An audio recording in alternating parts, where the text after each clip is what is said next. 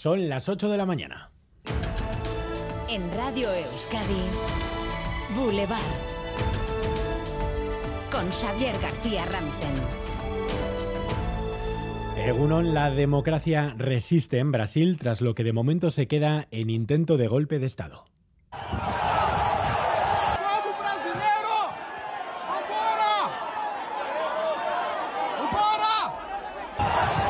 Miles de seguidores de Bolsonaro asaltaban las sedes del Congreso, el Tribunal Supremo y el Palacio Presidencial de Brasil.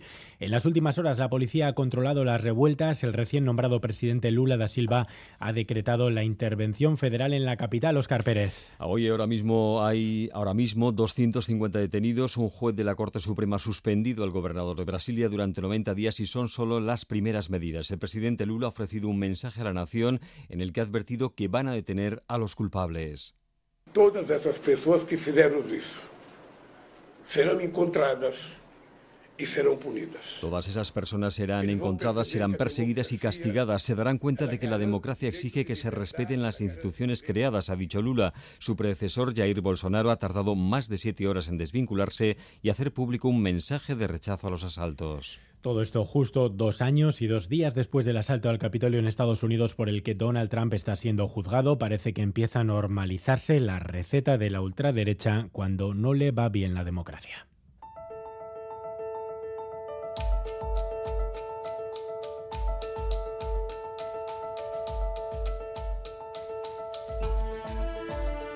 El subconsciente nos hace poner el contador a cero cada nuevo año, pero no, son ya 1.183 las mujeres asesinadas en España desde que hay registros. Más de 1.000 mujeres en 20 años, las últimas ayer. Tres asesinatos machistas en solo 24 horas. Iñaki Larrañaga. En Ciudad Real, Cádiz y Almería. En el primer caso, la víctima tenía solo 24 años. Su marido ya detenido 30. Ha arrestado también el agresor en Puerto de Santa María, de 40 años, que disparó mortalmente a su pareja con un revólver. Y en Almería, el presunto autor de la muerte tenía antecedentes, estranguló hasta la muerte a una mujer que ejercía la prostitución. Y en Guecho, hoy el ayuntamiento va a llevar a cabo una doble concentración para denunciar la última agresión sexual denunciada por una joven de la localidad vizcaína en Año Nuevo, Leire García. La primera a las 12 del mediodía en las escalinatas del ayuntamiento, por la tarde a las 7 en el punto Lila junto al puente colgante. El presunto autor de 29 años fue detenido el pasado miércoles. Y esta mañana visita Boulevard el presidente del Euskadi Burubachar del PNV, Antonio Ortúzar. Arrancamos 2023, el año de las elecciones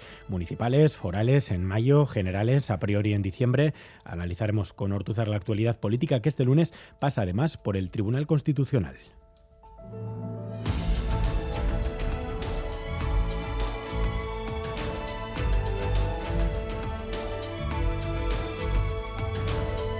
Y es que hoy van a tomar posesión los cuatro nuevos magistrados del Constitucional. El tribunal tendrá mayoría progresista, siete integrantes y cuatro conservadores deberán decidir sobre la presidencia del tribunal y en los próximos meses tendrán que abordar los recursos que se han presentado a la ley de la eutanasia, la de educación o la del aborto del año 2010. El gobierno vasco trabaja en las ayudas para hacer frente al desequilibrio demográfico. Hay menos nacimientos y la edad media de la población es cada vez más elevada. En las próximas semanas está previsto que se apruebe la ayuda de 200 euros mensuales hasta que los menores cumplan tres años de edad. Jonan Fernández, secretario general de Transición Social y Agenda 2030, invitado este fin de semana en Crónica de Euskadi.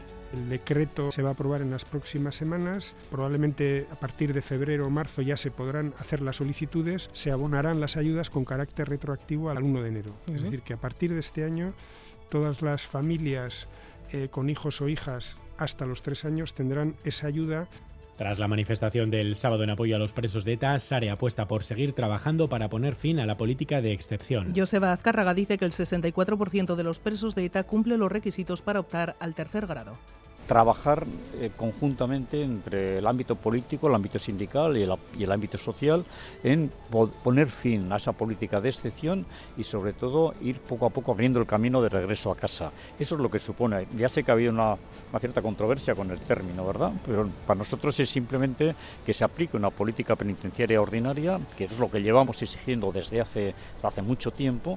Carlos García Danero y Sergio Sayas han mantenido reuniones con el Partido Popular de cara a las elecciones de mayo. Los exdiputados de Unión del Pueblo Navarro no han confirmado su presencia en las listas para los comicios. Carlos García Adanero se ha explicado que en las próximas semanas se celebrarán nuevos encuentros. Y el lunes es menos duro gracias al Conquistador del Caribe que vuelve esta noche a ETV2, edición ya número 19. Así era Herrero. Eh, Unón, nueva edición y promete mucho. La aventura más extrema de la televisión. Repiten los haitises, pero queda por saber si cambian los campamentos. Y empieza lo grande. Hoy, además de dar a conocer los participantes y los equipos, se desvelará la primera de las novedades, qué significa el color amarillo en la nueva aventura. Todo esta noche a partir de las 10 y media en ETV2. Y los titulares del deporte, Álvaro Fernández Cadierno, Egunon. Egunon eh, con noticia de esta madrugada, la de la espectacular victoria de John Ran en Hawái tras una remontada antológica de nueve golpes de desventaja en el último hoyo del torneo. Además, en fútbol, Almería 0, Real Sociedad 2, la Real se sienta en puestos champions, mientras que esta noche en San Mamés tenemos Derby Atlético Sasuna y en segunda Eibar 1, Ibiza 0 o lo que es lo mismo, los armeros son líderes en solitario. Boulevard. El tiempo. Lunes pasado por agua, protagonista de la lluvia, Euskalmet Maya Leniza Egunon. Egunon, hoy seguirá lloviendo en la mitad norte. Lloverá sobre todo en zonas cercanas a la costa y en Guipúzcoa. Es posible que no remita hasta el final del día. Además, por la mañana en la costa el viento en noroeste superará con intensidad. Luego por la tarde irá perdiendo fuerza. En la mitad sur todavía lloverá un poco más, pero con el paso de las horas durante la mañana remitirá y los claros irán ganando terreno. Las temperaturas máximas bajarán unos 2 o 3 grados y rondarán los 10-14 grados. Las mínimas además se pueden dar a últimas horas, cuando quede más despejado.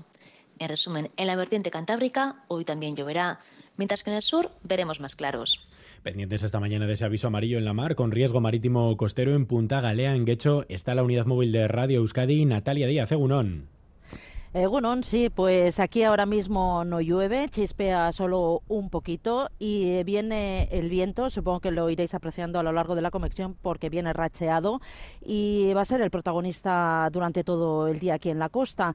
Eh, también ahora sí que además de oír con el amanecer estamos ya viendo el fuerte oleaje que sigue haciendo hoy incluso ese viento marítimo que va a ser un poquito más fuerte que ayer va a hacer que el oleaje sea aún más revuelto. Se esperan olas de hasta 5 metros, de hecho ya las estamos viendo en el horizonte y por eso va a seguir activo ese aviso amarillo para la navegación durante todo el día. El de impacto costero se ha levantado ahora a las 8 de la mañana, la pleamar ha sido a las 6, a las 6 menos 5 en concreto, pero ojo que durante todo el día va a seguir cortado en Donostia el Paseo Nuevo, el Peine de Viento y el Espigón de la Ciurrola, tanto para peatones como también para vehículos. Gracias Natalia, se escucha el viento, lo justo y necesario, gracias a Jorge Ibáñez en el control técnico de la unidad móvil de Radio Euskadi. Hasta ahora tenemos 10 grados en Bilbao y Donostia, 9 en Bayona, 6 en Iruña y en Ollón, 5 en Vitoria-Gasteiz, 3 en Zuya y en Lasarte. 688-840-840.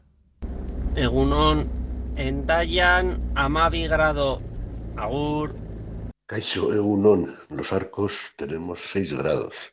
Aupa, Agur. Egunon, Elguea, 4 grados, nubes y claros. Agur.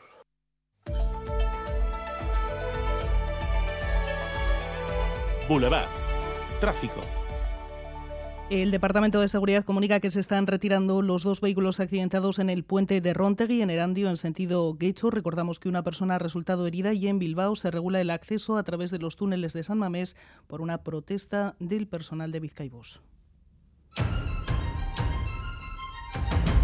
Recupera los contenidos de Radio Euskadi en la web eitv.eus y en la app EITV Nayeran.